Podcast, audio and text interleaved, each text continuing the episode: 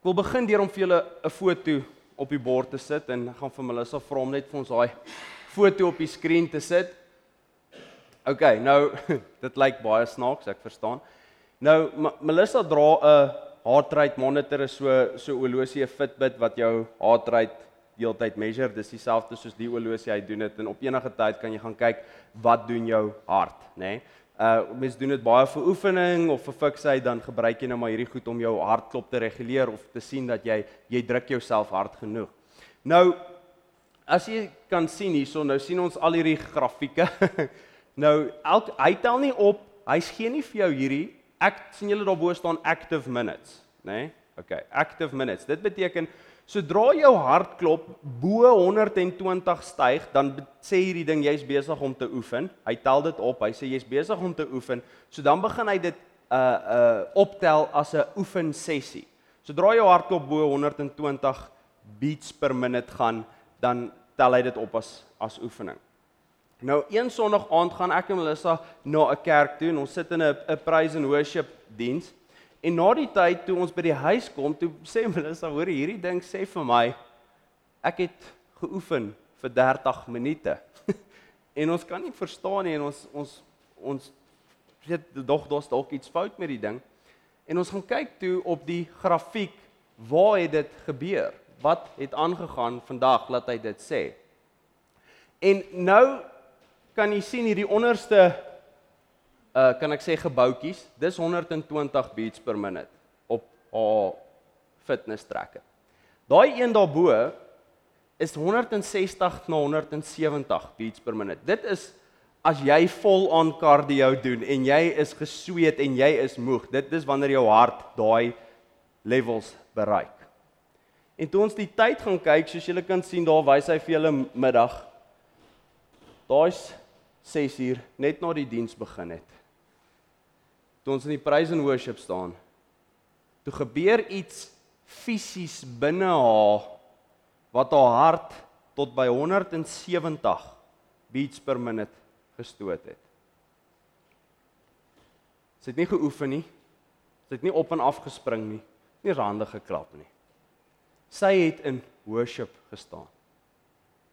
Nou ons het definitief kan ek getuig van daardie praise and worship sessie was die Heilige Gees so aktief daar ons kon hom so voel beweeg dat dit was werklik hierdie experience waar jy voel God in jou hart besig is om te beweeg.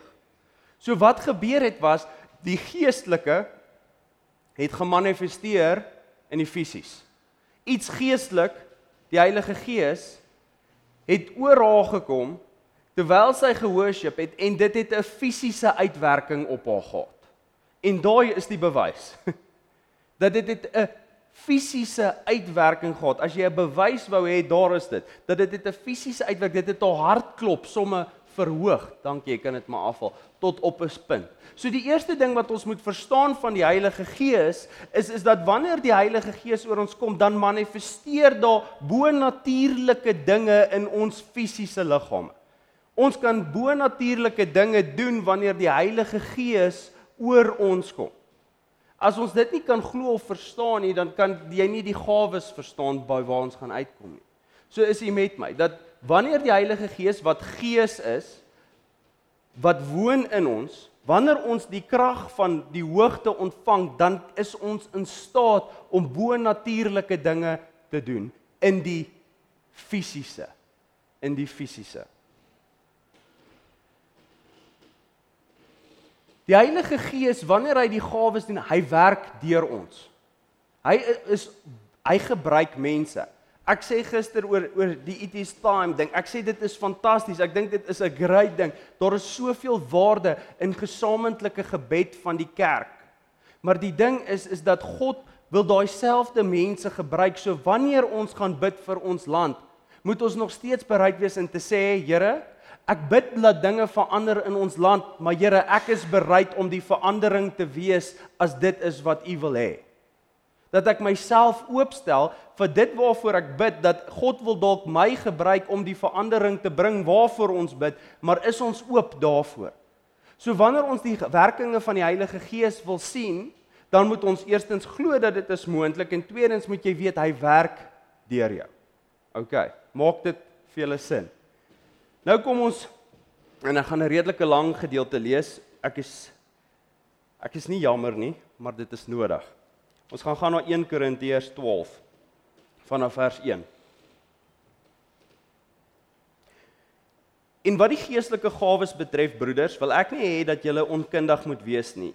Julle weet dat julle heidene was, weggevoer na die stomme afgode, net soos julle ook al gelei is. Daarom maak ek julle bekend dat niemand wat deur die Gees van God spreek, Jesus 'n vervloeking noem nie. En niemand kan sê dat Jesus die Here is nie, behalwe deur die Heilige Gees.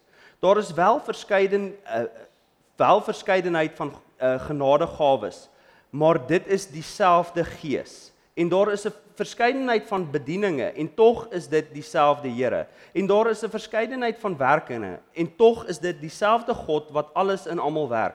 Maar aan elkeen word die openbaring van die Gees gegee met die oog op wat nuttig is. Want aan die een word deur die Gees 'n woord van wysheid gegee en aan die ander 'n woord van kennis vanweë dieselfde Gees aan 'n ander weer geloof deur dieselfde Gees en aan 'n ander genadegawes van gesondmaking deur dieselfde Gees aan 'n ander werkinge van kragte aan 'n ander profesie aan 'n ander onderskeiding van die geeste aan 'n ander allerhande tale aan 'n ander uitleg van tale maar al hierdie dinge werk een en dieselfde Gees wat aan elkeen afsonderlik uitdeel soos hy wil OK net tot daar Okay, so nou het ons gehoor van al die gawes van die Heilige Gees. Daar is 9. En ek gaan vinnig of hopelik vinnig deur hulle almal gaan. So hierdie gawes is die bo-natuurlike kragte wat die Heilige Gees oor ons bring, soos hy wil. Dis baie belangrik, want baie mense dink dat dit is my krag en ek kan dit aktiveer wanneer ek wil. Jy sal sien soms dan is daar 'n 'n pastoor of iemand wat dalk praat en hy sal in die naam van die Here en die mense gaan. Die Heilige Gees is nie 'n force ek ek weet nie wie van julle al ooit Star Wars gekyk het nie, maar daar's the force in dit. En ek dink baie mense dink dit werk soos dit dat uh, mense kan die Heilige Gees en die gawes aansit soos hulle wil. En dit is nie hoe dit werk nie. Dit is soos die Heilige Gees wil. So die gawe operate wanneer die Heilige Gees wil. Wanneer ons oop is daarvoor, glo daarin, dan gebruik hy ons om hierdie wonderwerke te doen. Die eerste ene was wysheid wat ek wil nou kyk. Hy gee jou 'n gawe van wysheid. Nou, mense besef dit nie, maar baie keer is jy besig met kry jy wysheid sonder dat jy eers weet. Dit is een van die dink ek meer algemene gawes wat operate wat ons nie altyd besef nie.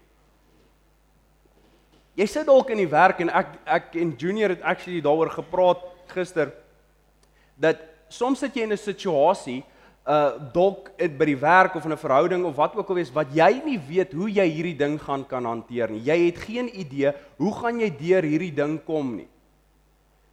En dan wanneer jy bid en jy vra vir die Heilige Gees, dan soms ek weet nie of u dit al ervaar nie, dan ewe skielik kry jy nie die antwoord hoe om hierdie situasie te hanteer met hierdie persoon of of selfs jy doen soms niks nie. Hierdie hele situasie werk uit sonder dat jy eers iets te hoef gedoen het. Dit werk net uit.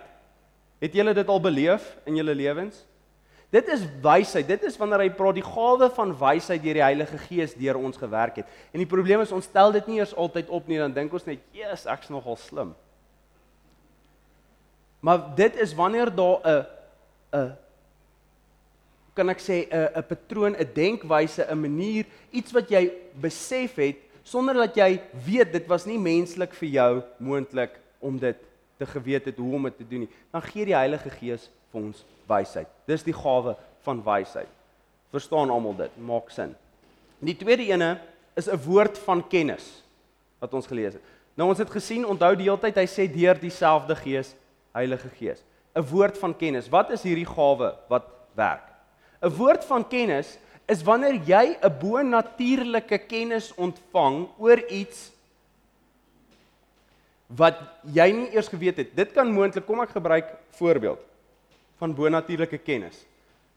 Is dat jy voel ewe skielik in jou hart hierdie branding dat weet jy wat JP sukkel met sy kar. Iets soos dit en jy weet al wat fout is. Jy sê oor die JP ek en jy gaan na hom toe en jy sê ek weet nie hoekom nie, maar ek voel JP jy sukkel met jou kar en ek dink die probleem lê by dit. En hy sê: "Jesus, hoe het jy geweet?" Dit is 'n gawe van die Heilige Gees wat hy gee. Is hy gee vir ons bonatuurlike kennis. Is soms dan bid jy, ek weet nie of jy al iets verloor het en jy soek en jy soek en jy soek en jy het al die huis 10 keer deurgesoek en jy gaan en jy bid en sê Here, asseblief help my om hierdie ding te kry. En ewe skielik kry jy net hierdie idee. Jy sê daai kas. Ek het daar gekyk, maar ek moet net onder die papier kyk en dan kry jy dit. Het dit al met julle gebeur? Dit al gebeur. Dit is die Heilige Gees wat deur jou werk wat vir jou kennis gee, bo-natuurlike kennis gee.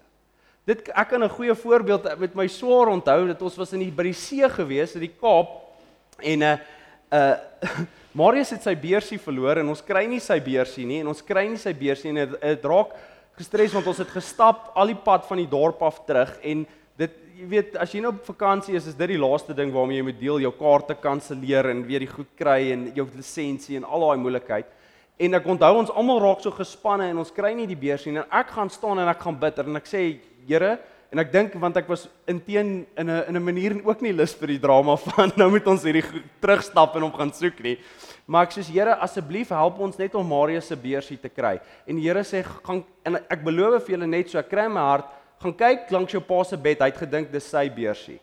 En ek loop wragtig langs my pa se bed. Daar lê Marius se beursie en my pa dog, dit was syne gewees en toe het hy hom gevat, opgevat saam met hom. Dit is 'n voorbeeld van bo-natuurlike kennis wat die Heilige Gees ons gee die oomblik toe ek hom vra. Bo-natuurlike kennis kan ook wees soos jy kan vra, Here, ek kort 'n word of knowledge, 'n woord van kennis. Dit kan wees dat in 'n in 'n groter mate wees dat kom ons sê in 'n groter voorbeeld, ek kan voel in my hart, weet jy wat? Jy het rugprobleme met iemand. En sê, hoorie, die Here lê op my hart dat ons iets fout met jou rug, is dit so?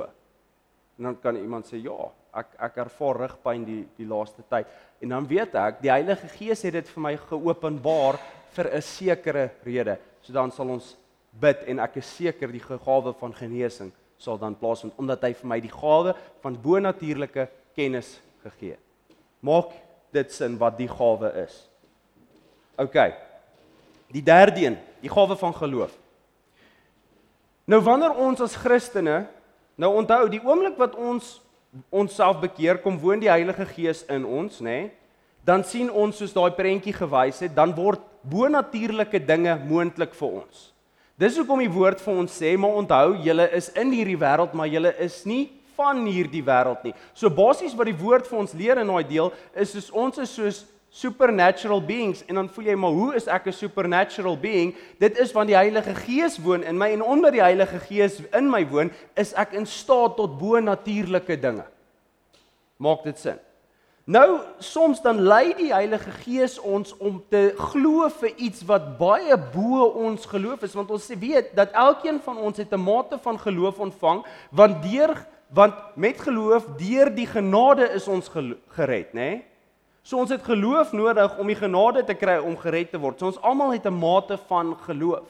Maar ek weet nie of jy al mense teëgekom het nie, maar jy kry mense dan voel jy net sy geloof is soveel sterker as iemand anders te sit. Maar soms dan lei die Here jou om te glo vir iets wat net almal vir jou sê dis onmoontlik.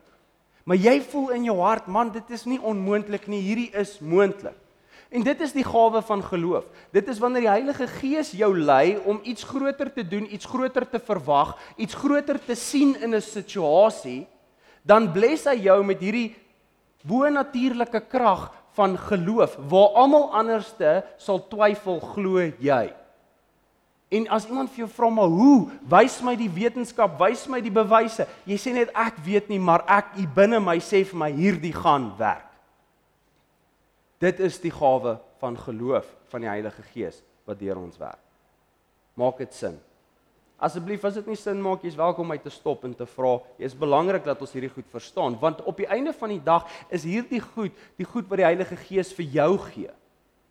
As jy nie hierdie verstaan nie, dan kan jy dit nie gebruik nie. So maak seker vir môre jy verstaan waar ek praat. Dan die vierde een waar ek wil praat, is die gawe van genesing. Ek gaan redelik vinnig deur hierdie goed, maar ek dink dit is julle verstaan dit redelik goed, so dit is nie nodig om te veel uit te brei oor elkeen nie. Gawe van genesing, dis baie eenvoudig. Dit is wanneer ons vir iemand bid en hulle word genees.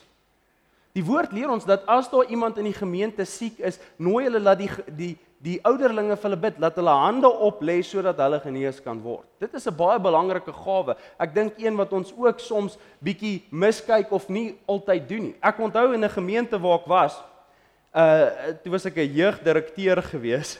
Dit was 'n baie fancy woord vir die jeugleier.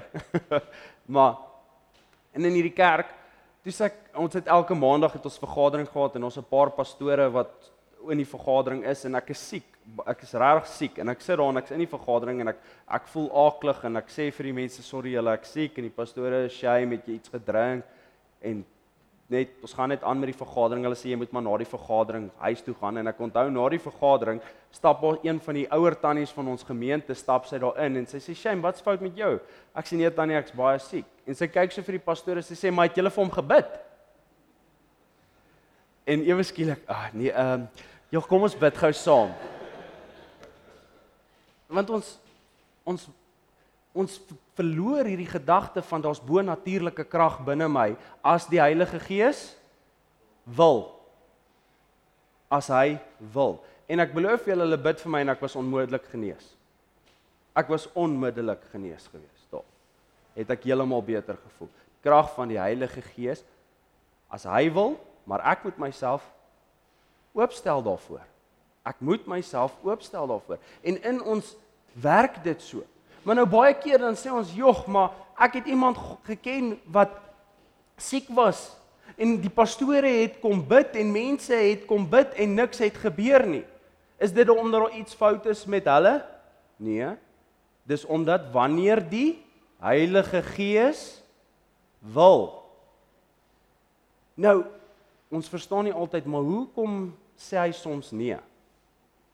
Want ons moet besef dat ons aardse brein kan net soveel verstaan. Fransos se gunsteling vers, hy sê ons verstaan op hierdie stadium ten dele, maar eendag sal ons ten volle verstaan. En God het 'n groter plan en ons moet besef daar's 'n lewe na hierdie lewe. Daar is 'n hemel. Dit eindig nie hier nie. Vir ons voel dit soms, ja, maar daar's iets anders. So God het 'n groter plan. So soms is dit hoekom mense nie genees word. Soms is dit in sy wil en dit maak seer en mense is hartseer daaroor, maar ons moet verstaan dat dit is soos hy wil. Maar ons moet nog steeds nie ophou om te bid, onsself bereidstel en oopstel dat die genesing deur ons kan vloei nie. Daar is soveel getuienis. Ek dink genesing het een van die grootste getuienisse wat daar is. Ek dink aan 'n vrou wat ehm um, sy ontvang 'n woord van kennis dat die Here sê vir haar, sy moet vir blinde mense begin bid, hulle gaan begin sien. En sy sê sy's opgewonde want sy voel sy gaan vir blinde mense bid en hulle gaan sien. En sy gaan sommer ry na hospitaal toe. Sy vra daar, hoorie, is die enige blinde mense hier? Hulle sê vir haar ja. Hulle wys haar na een, sy sê sy gaan vir hulle bid en sy bid en niks. En sy bid weer en niks. En sy bid weer en niks en sy gaan huis toe. Wie van julle sou weer gegaan het en vir blinde mense gaan bid het na dit? Ek sal begin twyfel of ek reg gehoor het, nê. Nee. Sy het vir 'n tweede een gaan bid, niks. Sy het vir 'n derde een gaan bid, niks. 4 niks, 5 niks. 100 niks. 150 niks. Moet ek aangaan? 300 niks. 500 mense. Toe gaan die ou se oë oop. En toe van daar af het sy vir oor die 2000 blinde mense gebid wat weer begin sien het.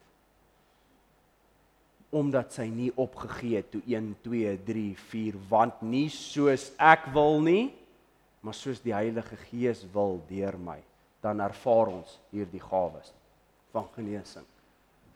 Dis moontlik. En ek is seker elkeen van julle ken iemand wat dalk 'n getuienis het oor genesing. Ek is ken soveel mense wat al gaan praat het oor genesing of weet jy my kind moes dood wees maar miraculously het daar niks fout nie of dit moes gebeur of hy was dood en hy terugkom en hy's fine ons het ons het soveel getuienisse van hierdie gawe wat werk Die vyfde een was die gawe van wonderwerke. Nou wat is die gawe van wonderwerke? Is genesing is 'n wonderwerk, maar wonderwerke praat baie meer van soos toe Jesus water in wyn verander het, Jesus op die uh, self Petrus op die water geloop het. Dit is wat wonderwerke is, nê? Nee? Dit so dis daai gawe. Dit is om bo natuurlike, amazing bo natuurlike 'n uh, 'n uh, 'n uh, krag te ontvang en iets te doen wat net alle verstand te bowe gaan. Dit is 'n gawe. Nou, die rede hoekom die Heilige Gees ons dit nie so baie meer sien of doen nie, dalk is dit want ons geloof ons sukkel bietjie met daai geloof om om daai goed te doen om vir water te sê dit moet in wyn verander. Ek ek weet nie, maar weer eens soos die Heilige Gees wil. En as hy nie dit op hierdie stadium en hierdie tyd wil openbaar nie, dan is dit God. Verstaan, dan is dit nie ons nie, dan is daar nie noodwendig 'n fout met die mense dat ons nie die wonderwerke sien nie. Dit is dalk net nie die wil van die Heilige Gees nie. Ek dink daar is baie keer wonderwerke wat gebeur in plekke waar mense wat ons nie eers van hoor of sien of weet nie.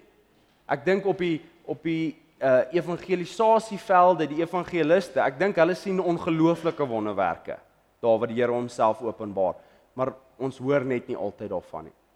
So maak dit sin wonderwerke. OK. Nommer 6.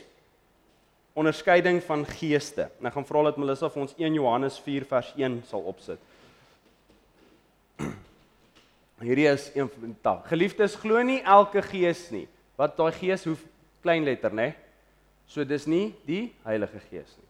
Maar stel die geeste meervoud klein letter op die proef of hulle uit God is, want baie valse profete het in die wêreld uitgegaan. Okay, onderskeiding van geeste. So hierdie gawe en en 'n interessante ding wat ek al getoets het is as ek met iemand praat wat nie in God glo nie, wat 'n ateïs is, wat of so seker is en en al dalk as jy sukkel om in God te glo, vra vir jouself hierdie vraag af: Glo jy in die bonatuurlike? Weet jy hoeveel ateïste, as ek vra, maar glo jy dat daar's dalk geeste en en energie en sulke goed in die gees? dan sal hulle vinnig so half soos ja, ek dink nog of of hulle sal glo in uh in uh die die sterre wat noem jy dit in Afrikaans? Ek die ek weet uh, uh astrologie. Ja, want daar's mos astronomy en astrology. En mens moet verstaan, die een is die studie van die sterre en die ander is om die sterre so half te sien dit het 'n invloed op jou lewe. So astronomie. So hulle glo in hierdie goed, maar hulle sê hulle glo nie daar's 'n God nie. Maar baie van hierdie mense wat sal getuig dat hulle is ateëste, glo nie daar's 'n God nie, sal wel sê nee, maar hulle dink daar mag dalk iets geesteliks wees.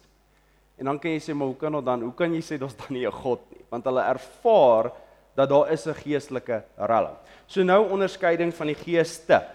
Wat se geeste is daar? Meervoud, klein letters. Eerstens demone.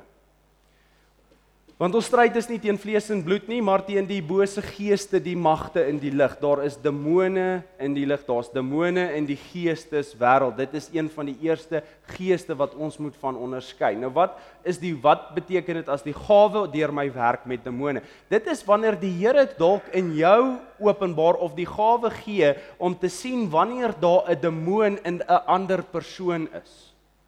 Demone soek huisvestings. Ons liggame is huisvestings. Hulle sê dat die woord nie hulle nie, die woord leer vir ons dat wanneer 'n demoon uitgedryf word uit iemand, dan kom hy terug om te kyk of die huis leeg is. So bedoelend as jy 'n demoon uit iemand uitdryf en daai persoon neem nie die Here aan dat die Heilige Gees in hom kon woon nie, die woord sê vir ons en die huis is leeg, dan kom hy terug met sewe ander geeste om in jou te kom woon. So demone sweef rond, hulle soek plek om te bly. Ek ek het dit so goed ondervind. Die een ou skryf dat ons dink baie mense dink 'n demoon in jou is soos 'n hierdie iets wat jou dalk of mag of krag gee. 'n Demoon, jou liggaam is vir 'n demoon 'n wegkruipplek. Hy wil homself nie openbaar nie want hy is bang om jou liggaam te verlaat. Hy is bang iemand dryf hom uit die liggaam uit. So daarom is dit 'n gawe om onderskeiding van geeste wanneer dit kom by demone in iemand te kan besef te sê daar is 'n demoon in iemand want dit beteken die Heilige Gees het vir jou openbaar daar kruip iets weg daar in daardie persoon. Nou, ek wil nie vandag oor want ah, demone is 'n hele ander demone en engele is 'n hele ander topik, maar demone het invloed op jou lewe. Wanneer dit in jou is, het dit invloed op jou lewe. Dit kan jou gesondheid, dit dit is jou gesondheid, jou verhoudings, dit gaan sleg. Dinge gebeur met jou. En jy besef dit nie altyd nie. Soms is daar eh, eh, kan 'n demoon sekere dinge leens, wel is al hierdie goed aktiveer in jou want hy is binne jou. So dit is wat dit is met demone. Die die gawe van onderskeiding van geeste is om te kan onderskei dat 'n demoon moontlik in iemand is. OK. Maak dit sin? Ek besef daai is ons raak nou meer met die met die reël goeters hierso. Die tweede gees wat daar in iemand kan wees, al is jy kry menslike geeste, nê? Nee? Menslike geeste. Nou wat's dit? Ek weet nie of julle al ooit met iemand te doen gekry het wat hy is net 'n 'n compulsive liar, as ek die Engels kan gebruik. En hy lieg so dat hy glo sy eie leuns. Het julle al met sulke mense te doen gekry wat net net lieg en lieg en lieg en jy vang hulle uit, maar hulle sal net aanhou lieg. Jesus maar jy weet mos dis nonsens. En hulle hou net aan lieg. Nou dis nie noodwendig 'n demoon in hulle nie. Ons kry geeste in ons menslikheid wat ons toelaat om ons te beheer. Maar so is daar 'n gees van welis wat jy begeer en begeer en jy mense sukkel om daai ene te kry. Maar die probleem is met hoe hierdie geeste werk is is ons ons voed hierdie geeste. Nou hoe werk die gawe van die onderskeiding van die geeste? En dis baie keer in en uh uh uh in die sin van Wanneer iemand dalk sal kom vir berading en sê, weet jy wat, ek sukkel. Ek weet nie of dit al met een van julle gebeur het nie en 'n leier of 'n pastoor of 'n beraader sal dalk vir jou net sê, ek voel in my gees jy sukkel met leuns. Nou, oef, jy sien som op hulle gesig. Jy slaan die spyker op die kop. Dis nie omdat daai ou 'n fantastiese sielkundige of iets is nie. Dit is soms wanneer dit te doen het met kerkmense, kan ek sê of of Christene wat leiding neem, is die Heilige Gees openbaar hulle deur onderskeiding van geeste dat dit wat aangaan in iemand se lewe. So jy kry hierdie geeste, jy kry geeste van bekleierery, van jaloersheid, jy kry 'n gees van bitterheid, jy kry al hierdie geeste is nie demone nie, dit is geeste wat in ons lewens deel geword het van ons wat net afbreek bring in ons lewens. So wanneer iemand die onderskeiding van geeste kry en vir jou kan sê luister, ek ek ervaar in my hart dat dit is wat in jou lewe aangaan. Onderskeiding van geeste. Dan is daar die laaste een is natuurlik engele. Dat God, daar's engele wesens van God. Ons sien baie keer in die woord Ou Testament baie engele aan mense verskyn. Maar wat doen die woord ook? Ekskuus, ek gaan nie nou al die versies doen nie want anders gaan ons 2 ure besig wees. Ek is nog nie halfpad nie. engele is dienende geeste vir ons. Maar dit woord leer ons dat die Satan kom na jou toe as 'n engel van die lig. Onderskeiding van geeste moet ons weet.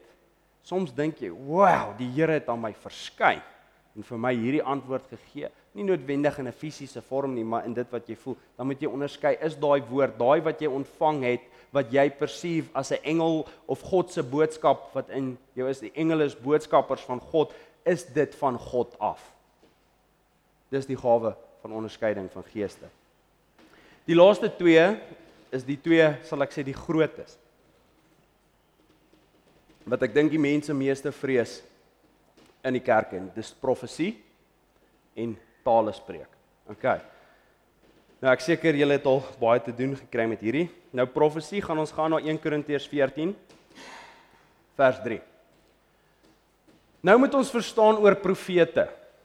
Ons het 'n sekere konsep van profete in ons kop gekry oor wat is 'n profeet. Sorry, jy kan vir eers net blank. Ek wil net 'n inleiding gee. 'n uh, Profete in die Ou Testament was mense wat deur God 'n boodskap ontvang het om vir ander mense te sê baie keer oor wat gaan gebeur, wat is besig om te gebeur. Julle gaan oorwin word as julle nie bekeer nie. Gaan gaan dit of dat gebeur, nê? Nee, stem julle saam met? Dit is profeet. En dis baie keer wat ons die gedagte van 'n profeet op hierdie stadium het, maar dit is nie wat 'n profeet vandag is nie. Ons moet verstaan toe Adam en Eva geval het, toe het hulle gees dood gegaan. Onthou julle uh, die die Here het vir hulle gesê as julle van daardie boom eet, dan sal julle sterf. Kan julle dit in Genesis, nê? Nee? Dit is wat God gesê het. Toe eet hulle van die boom, het hulle fisies gesterf. Nee, so wat het gesterf? Hulle gees. Toe hulle gees sterf, toe breek hulle kommunikasie met God. So toe kan hulle nie meer in kommunikasie met God nie. So die woord van kennis, woord van wysheid, al daardie goed het gehoor ons kom deur die Heilige Gees in ons. So hulle gees was dood, die Heilige Gees was nie meer in hulle nie. So hulle kon hierdie goed nie die boodskappe van God, kommunikasie met God was gebreek want die gees was dood. So God moes profete en fisiese dinge gebruik soos brandende bosse en so aan om met die mense te kommunikeer want hulle gees was dood. Hy kon nie hier binne met hulle kommunikeer nie. So dis hoekom die profete van die Ou Testament werklik God se spreekbuis was in die sin van wat kon gebeur en wat gaan gebeur en wat hulle moet doen en hoe jy moet wees en wat ook al want die mense se gees was dood. Toe het Jesus vir ons gesterf aan die kruis en opgestaan en toe ons onsself bekeer toe kom woon onthou julle laasweek die inwoning van die Heilige Gees die oomblik wat jy bekeer word kom woon die Heilige Gees in jou en ewe skielik word jou kommunikasiekanaal met God oopgemaak so God het nie nodig om deur 'n profeet of 'n brandende bos met ons te praat nie want hy kan in ons harte met ons praat Stem, verstaan julle? So is daar nog profete? Ja, maar hy leer ons die woord leer ons so mooi dat wat is 'n profeet in vandag se tyd? In Korintiërs 1 Korintiërs 14 vers 3. Hy sê, maar hy wat profeteer spreek tot die mense woorde van stigting en troos en bemoediging. Dis wat hy sê. Woorde van stigting en troos en bemoediging. Hy sê nie vir jou, hoorie jy die Here sê jy moet jou kar vir my gee nie. Hy sê nie hoor jy die Here sê jy moet 50000 rand vir die kerk gee nie. Ek ek sien dit nie daar nie. Dit sê nie dat die Here sê jy gaan 'n bekende sportster wees nie. Dit sê woorde van stigting en troos en bemoediging, profesie. Ek meen, ons kan nie teen die woord gaan nie. Dit is wat die woord vir ons sê, die woord van God leer ons. Hy sê dit is wat 'n uh, wat hy wat profeteer spreek. En ons sien in Korintiërs 14 vers 29. Laat twee of drie profete spreek en die ander dit beoordeel. Hoe beoordeel ons dit? Korintiërs Vers 3: Maar hy wat profeteer, spreek woorde van stigting en troos en bemoediging. So as iemand profeteer, die woord leer ons, die ander moet hom evalueer. Hoe evalueer ons hom? Is dit stigting, troos of bemoediging? Stem jy saam met my? Hoe kan ek evalueer as iemand vir my sê die Here sê jy gaan môre 'n nuwe kar kry? Hoe gaan ek dit evalueer? As die woord vir my sê ek moet dit evalueer, Ah, dis mos dan nie moontlik nie. So daarom glo ek nie dis deel van profesie nie. Plain en simpel. Maak dit sin? Profesie in vandag se tyd. Woorde van troos, stigting en bemoediging. Nou kom ons by die seker die moeilikste een is die tale nê. Nee. Nou, tale. Jy kry twee tale. Kan julle onthou in begin van Handelinge na Jesus vir hulle gesê het gaan wag in Jerusalem en die Heilige Gees op hulle neergedaal het, toe het hulle in tale gespreek, nê? Nee. Watse tale het hulle gespreek? Menslike tale. Want die ander dae het gestaan en ge, geluister en gesê, "Jesus, maar hierdie ouens praat in my taal in Grieks en Hebreëus en en en mense van verskillende areas, hulle het in menslike tale gespreek." So tale spraak is twee dele. Dis menslike tale sowel as hemelse tale, engele tale. OK, menslike tale. Jy kan weer eens eh, het is daar soveel getuienisse van pastore wat dalk evangeliste is en hy begin bid in tale en sy taal bid hy en na die tyd kom mense en soos hoorie ek het nie geweet jy kan Swahili praat nie. En hy sê ek ek het nie ek het nie eers geweet nie maar dit is die Heilige Gees wat deur hom geopereer het vir hom 'n mense taal geopenbaar het in 'n gawe om te praat. Nou so dit is redelik eenvoudig die mense tale wat dit is. Die Heilige Gees gee jou 'n gawe om 'n taal, 'n bo-natuurlike gawe om 'n taal te praat wat jy nog nooit geleer het nie en jy self gaan teen teen eers verstaan wat jy sê nie. Dis dis mense tale. Dan kom ons by tale van engele. Nou Romeine 8 vers 26. Dit ons dit opsit. kom ons kry eers net die bewys wat die van die woord af dat daar wel tale is wat mense nie verstaan nie. En net so kom ook die Gees ons swakhede te help want ons weet nie reg wat ons moet bid nie, maar die Gees se Gees self tree vir ons in met onuitspreeklike sigtinge. Nou onuitspreeklike sigtinge klink baie snaaks, maar basies wat dit sê is is dit dis woorde en tale wat ons nie verstaan nie. Nou wat die taal is wat die Here vir ons gee, hy gee vir ons hierdie taal want dit bring ons dit is ekskuus as jy hom net daar kan ophou dat ons die gees wat in ons is wanneer ons nie weet wat om te bid nie dan bid hy namens ons dit is die Heilige Gees wat in ons is wat namens ons bid dan bid ons in tale wat mense nie verstaan nie nou hierdie tale mag ons dalk hoor eeg maar dit is dis vreemd en dit is dalk snaaks En ek wil vir u 'n gedeelte lees en ek voel dit is belangrik dat ek hierdie hele hoofstuk moet lees. Wel nie die hele hoofstuk nie, omtrent halfte van hierdie hoofstuk, maar die Bybel verduidelik dit so mooi. Die Bybel verduidelik tale vir ons so mooi in 1 Korintiërs 14. En volg asseblief saam met my want ek glo as ons hierdie verstaan dan sal jy tale amper net so verstaan. Jaag die liefde na en beywer julle met die oog op die geestelike gawes. Weereens soek die gawes. Ons moet dit soek in ons lewens. Maar veral om te profeteer. Profeteer, woord van stigting, troos, bemoediging. Want dis sien julle die funksie van profesie het dit om ander mense op te bou. Stigting, troos en bemoediging. Dit is wat profesie het. So daarom herhaal Korintiërs 14 die hele tyd profesie want ons bou ons medemens op deur profesie. want hy wat in 'n taal spreek, spreek nie tot mense nie, maar tot God Want niemand verstaan dit nie, maar deur die Gees spreek hy verborgenhede. Weereens, die bewys van dis dit nie 'n menslike taal nie, dis 'n hemelse taal. Maar hy wat profeteer, spreek tot die mense woord van stigting en troos en bemoediging. Hy wat in 'n taal spreek, stig homself, maar hy wat profeteer, stig die gemeente. Ek wens dat julle almal in tale spreek, maar nog liewer dat julle profeteer. Want hy wat profeteer is groter as hy wat in tale spreek of hy moet dit of hy moet dit uitlê sodat die gemeente stigting kan ontvang.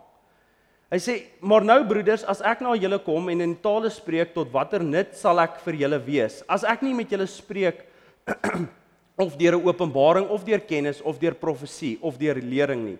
Net soos met lewelose dinge wat 'n klank gee, 'n fluit of 'n siter, as hulle nie 'n onderskeid in toon laat hoor nie, hoe sal 'n mens weet wat op die fluit of siter gespeel word?" Want as die bassein ook 'n onduidelike klank gee, wie sal uh, wie sal klaar maak vir die oorlog? Net so julle ook. As julle met die tong geen verstaanbare woord uitbring nie, hoe sal 'n mens weet wat gespreek word? Want julle sal wees soos mense wat in die wind praat. Daar is wie wat daar is wie wat weet hoeveel soorte tale in die wêreld en geen een daarvan is sonder klank nie.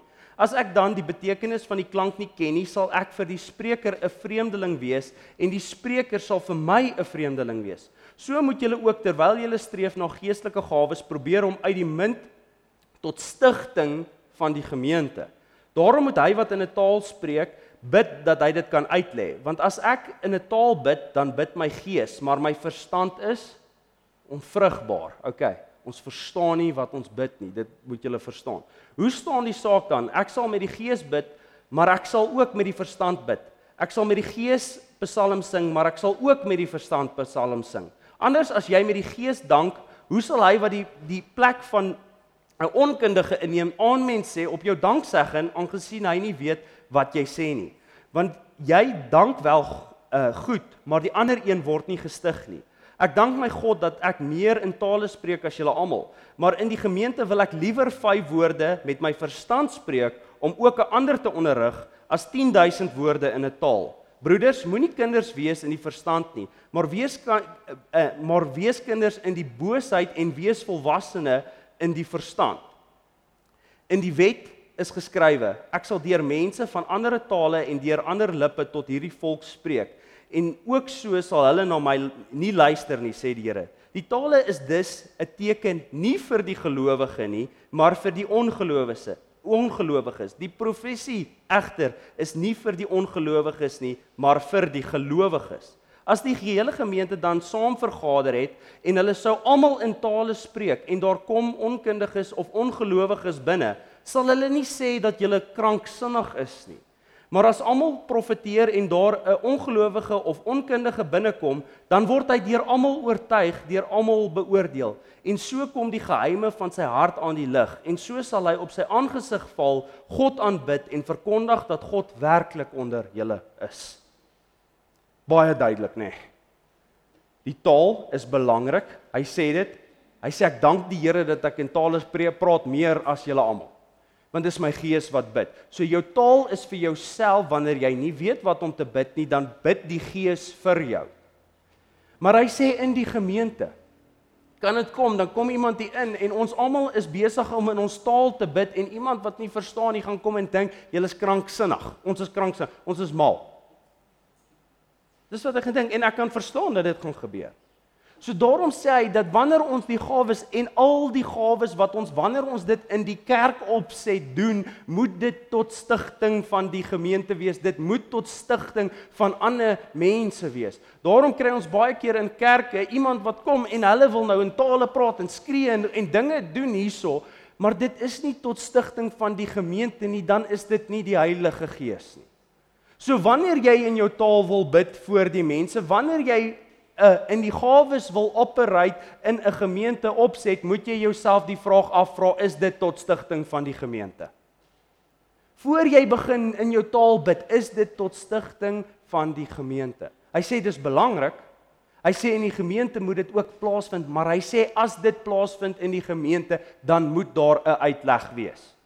En dit is die negende gawe, is die uitleg van tale. Die God een praat in 'n taal en God gee vir iemand anderste die vermoë deur die Heilige Gees om te ontleed wat gesê is sodat die res van ons kan verstaan. Die woord sê vir ons as jy in 'n taal praat en daar's nie uitleg nie, moet jy stil bly want dit dien nie tot stigting van die gemeente nie. Maar die ding is is dat jy moet wil in tale praat want jy het dit nodig in jou persoonlike lewe. Nie noodwendig dat mense hier kom sien o ek kan in 'n taal praat nie. Ek wil in my taal kan bid so daai oomblikke wat ek nie weet wat om te bid wanneer ek so seer het of wanneer ek in soveel moeilike omstandighede is dat ek nie meer weet wat om te vra nie, dat ek kan vertrou op die Heilige Gees in my om namens my te bid. Maak dit sin? Daarom is 'n taal belangrik. Skus, ja Tannie. Tannie. Ja. Ja. Nee, hy kan self ook die uitleg gee. Jy kan die gawe van die uitleg ook self ontvang. So jy kan ook self uitlê wat wat jy gesê het. Maar die interessante ding is in baie gemeentes wat ek al gesit het as ek tale hoor, dan sal iemand sê, "My kinders, so sê ek," dan praat hulle namens God, maar die woord leer vir my dat dit is ons gees wat met God praat. Het, het julle al agtergekom het julle dit al ooit gehoor? Dis ons gees wat met God praat, maar baie keer as die uitleg kom, ek sê nie dis onmoontlik nie, ek verstaan nie die taal nie, maar dit is maar net 'n ding waar ek wonder. En ek dink ons moet net sensitief altyd in ons gees wees dat dit werklik die Heilige Gees is wat deur ons werk. OK, ek verstaan taal is 'n moeilike konsep en ek gaan afsluit hoekom dit belangrik is met hierdie getuienis en julle kan dit gaan Google Pastoor Theo Wolmarans in Amerika en dalk het jy al ooit so gevoel in jou lewe. Hy sê hy gaan gym, wel, hulle kuier by familie in Amerika en hulle kindertjies, hulle was almal so uh tussen 9 en sy dogter was die oudste 12, maar naby hulle huis is daar so 'n riviertjie wat loop. Rita en die kinders wil gaan visvang en hulle is baie opgewonde om te gaan visvang en hy sê en hy sê die oggend voel hy in sy hart nee, hulle moenie gaan visvang nie. En hy sê vir hulle nee, hulle mag nie gaan nie. En die kinders sê ag nee, asseblief, maar pa, asseblief, hoekom nie? En en hy sê hy voel toe so sleg, maar hy sê nee, hy voel nie reg nie en hy sê sy broer of suster wat in Amerika sê toe vir hom, ag man, dis net hier onder man, hoekom wil jy nou nie hê die kinders moet nie? En hy voel 12 skuldig dat hy die kinders wil blok om te gaan en hy sê okay nee, dis reg. Gaan vang maar vis.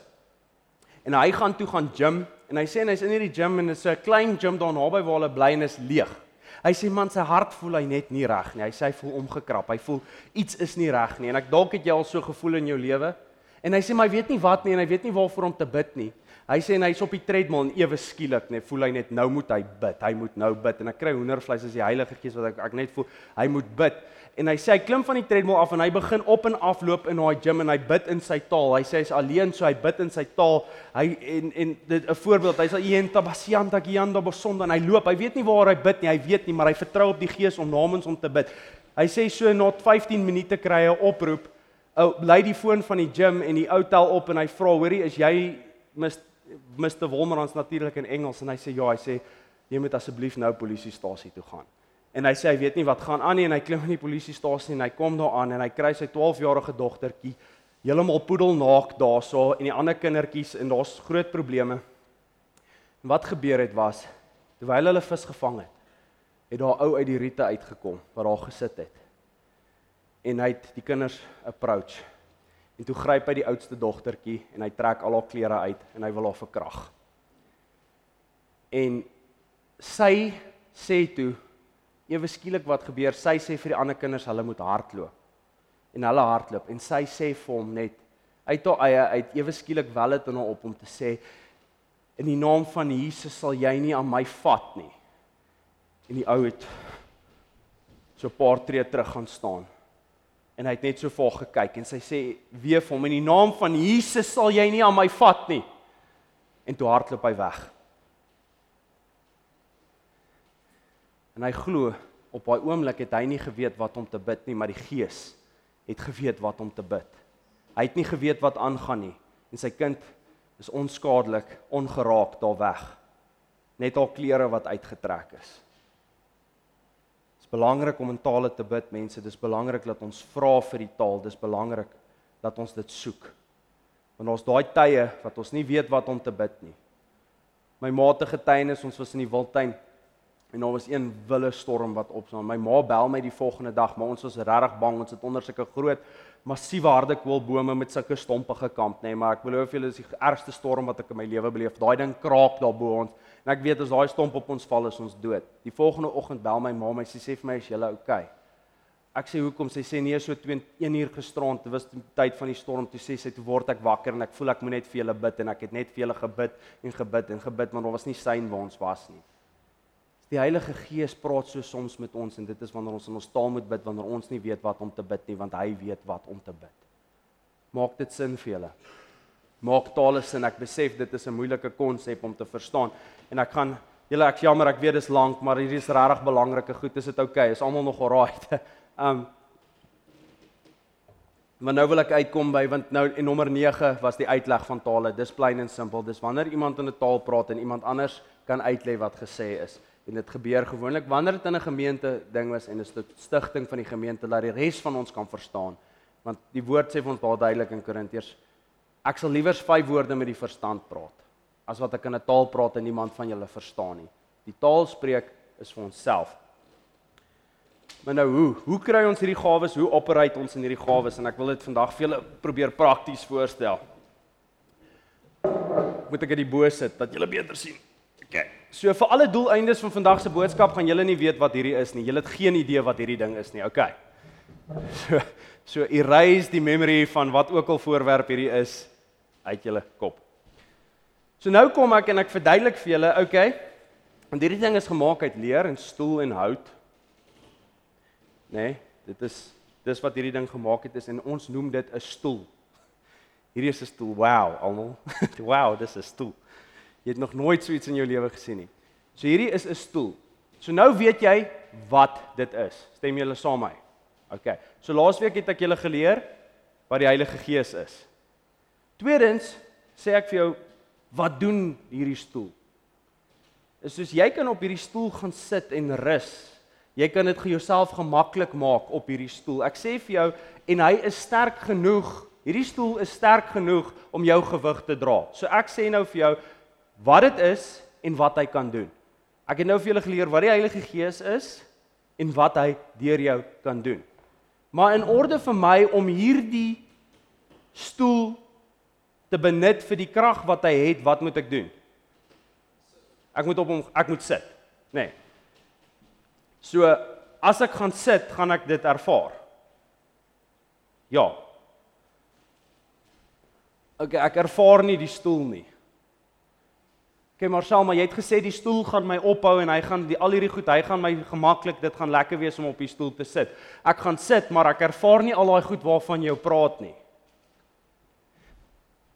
Kie is die posisie van die stoel.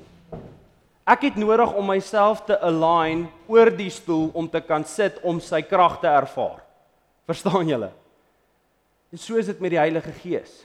Ons hoor baie keer van die kragte van die Heilige Gees wat hy kan doen, maar ons ervaar dit nie want ons verstaan nie sy posisie nie. Ons sit daar een kant en die Heilige Gees is iets wat ons nie weet mooi weet wat of waar of so nie. En daarom ervaar ons nie die krag nie. Daarom sien ons nie die werkinge van die Heilige Gees nie, want ons align onsself nie oor die Heilige Gees en vat die aksie van sit om dit te beleef nie. So om dit te duidelik te maak, ons het geleer wie die Heilige Gees is, ons het geleer wat die Heilige Gees kan doen. Nou is dit belangrik om te weet dit is die Heilige Gees in jou. Dit is die doping met die Heilige Gees wat plaasvind. Nou, wat is die doping met die Heilige Gees? Ons het laasweek gepraat, die inwoning van die Heilige Gees is die oomblik wat jy tot bekering kom, dan kom woon die Heilige Gees in jou. Dan kan jy tot God praat, dan kan jy bid. Jy is 'n kind van die Here want hy sê niemand kan sê hy's 'n kind van God behalwe deur die Gees nie. So dit is die seël dat ons 'n kind van God is. Okay. Maar nou kom ons by die doping van die Heilige Gees. Dit is wanneer ons die gawes kry. Dit is wat hy gesê lees dit daar in die begin gaan wag in Jerusalem laat julle die krag ontvang. So dit is wat die doping van die Heilige Gees is. Ons ontvang die doping van die Heilige Gees wanneer ons weet hy is in ons en wanneer hy wil dan sit hy 'n krag in ons om hierdie gawes uit te leef. OK, maar ons moet weet hy is in ons. Die Heilige Gees is in jou. En die doping is wanneer jy krag kry. Nou hoe kry ons die doping met die Heilige Gees? 2 Timoteus 1 vers 6 of as ons dit gou kan opsit.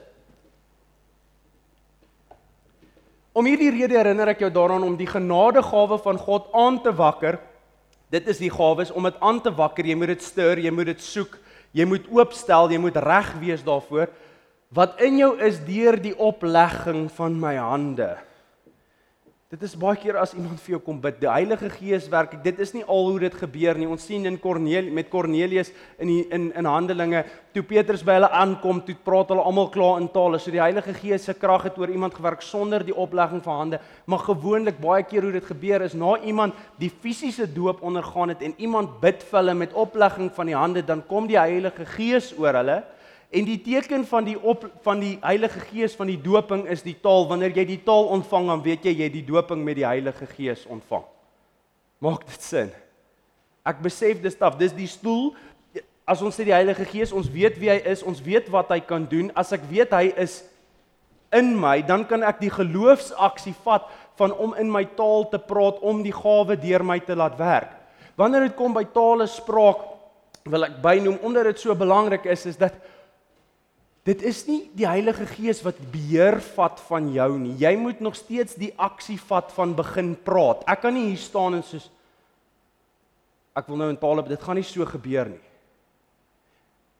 Wanneer jy dit ontvang, moet jy nog steeds ek moet gaan sit op hierdie stoel om hom te ervaar, nê. Nee. Ek kan nie voor hom staan en weet wat hy doen en wag dat hy ewe skielik my magically gaan laat gemaklik voel nie. Ek moet die aksie vat van sit. En so is dit met tale spraak. So is dit met al die gawes wanneer dit genesing, woord van kennis. Ek moet die aksie vat. God gaan jou nie beheer en te loop na Martin en te sê, "Oké okay, Martin, ek gaan vir jou bid vir genesing nie." Jy gaan ervaar in jou hart dit is wat gebeur. Jy gaan in jou hart ervaar daar is iets wat wil uitkom met tale en jy gaan die aksie moet vat en dan gaan dit gebeur. Jy moet die aksie vat om die krag te ervaar.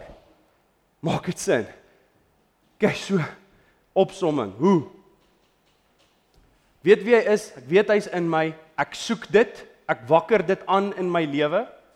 Ek wakker dit aan in my lewe. Ek kry gebed of oplegging van die hande en ek voel dit in my oor die Heilige Gees en ek vat aksie.